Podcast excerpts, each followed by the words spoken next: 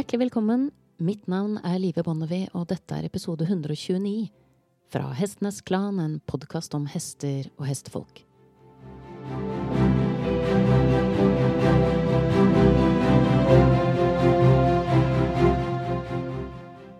Som jeg sa i innledningen til forrige episode, så er det få ting jeg har lært mer av enn lange, nattlige samtaler med andre hestekvinner.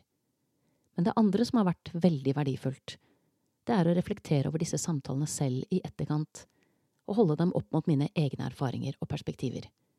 Slik jeg håper du gjorde etter å ha hørt første episode i serien Hestekvinner snakker om hest. For når man ser tilbake på sin egen reise, så er det alltid noe som har gått bra, og noe som har gått mindre bra. Og da er kunsten å prøve å lære av begge deler. Og fremfor å drive med selvpisking over hva man har gjort og ting man angrer på, så er kunsten å se fremover og tenke ok, hvor går jeg videre herfra? Det Katrine snakket om i forrige episode, som gir sterk gjenklang hos meg, er verdien av å inngå kompromisser. Og ikke bare bevare, men faktisk også fremelske en lekenhet og en åpenhet i møte med hesten. Eksperimentere, prøve og feile og undersøke noe sammen, uten å fokusere på at det skal bli til noe, eller komme til nytte, eller bli noe man kan vise fram til andre.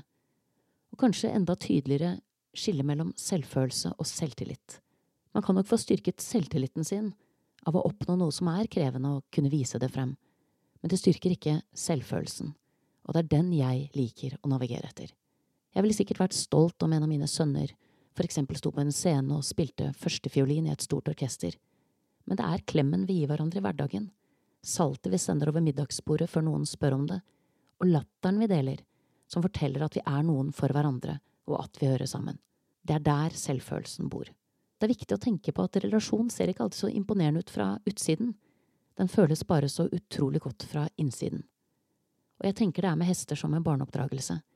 Det er lett å havne i et mønster der ambisjoner og behovet for kontroll og anerkjennelse fra omgivelsene kommer i veien for autentiske møter, gjensidig respekt og intuitiv forståelse av hverandre. Det er normalt at man påvirkes av sine omgivelser, og at man både famler seg frem og prøver nye ting men det å finne tilbake til den intuitive måten å være med hester på, har alltid vært en egen motor for meg. Og som kvinne kan det være krevende å finne gode veiledere på dette feltet. For selv om det er lett å observere hva som vokser ut av hesters møte med maskulin energi, og det ser flott ut, og det skjer mye, så er det ikke nødvendigvis verken interessant eller mulig å ta med seg det man har sett hjem. Det kan også være tungt å erkjenne at det man har drevet med i årevis, kanskje ikke har vært til det beste verken for hesten din eller deg men oppsiden av å ta sjansen på å møte hesten på en måte som kjennetegnes av intuisjon, forståelse og respekt, er større enn man kan forestille seg.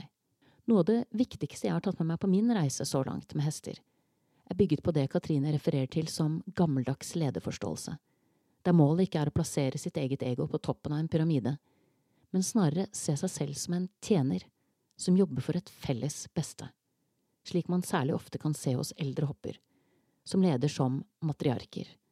Det er en svært stillfaren og subtil form for ledelse, som flokken ikke tvinges til å følge, men aktivt velger å følge, fordi den er forutsigbar, raus og trygg.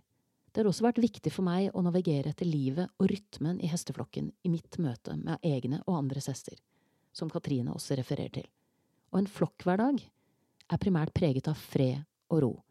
Den består av å være sammen, spise sammen, leke sammen, drikke sammen, sove sammen. Og hvis du ikke har forsøkt å tenke deg at du er et flolett blad, og hestene er vinden, eller at du er en vanndråpe og hestene er elven, så er det på høy tid. I neste uke så skal du få del to av samtalen med Katrine Bohr, og andre del i serien Hestekvinner snakker om hest. Men før den tid så oppfordrer jeg deg på det sterkeste til å prøve å være et blad i vinden neste gang du er med hesten din, og kjenne godt etter akkurat hvordan det føles. Du har nettopp hørt episode 129 fra Hestenes Klan, en podkast om hester og hestefolk. I neste uke får du del to av samtalen med Katrine Baa og andre del i serien Hestekvinner snakker om hester, der vi blant annet dykker dypere ned i Katrines filosofi, snakker om viktigheten av tilstedeværelse, og ikke minst snakker om hvordan man kan kommunisere med blinde hester.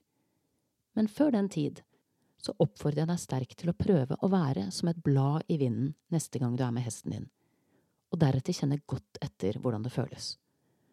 Og hvis du byr på det, send meg gjerne en melding, enten gjennom min Facebook-profil eller min hjemmeside www.hestenesklan.no, eller legg det ut på en av mine to grupper på Facebook som er knyttet til podkasten. Det var alt for i dag, du har nettopp hørt episode 129 fra Hestenes Klan, en podkast om hester og hestefolk. Takk til min faste komponist Fredrik Blom, og sist, men ikke minst, takk til deg, kjære lytter, for tålmodigheten.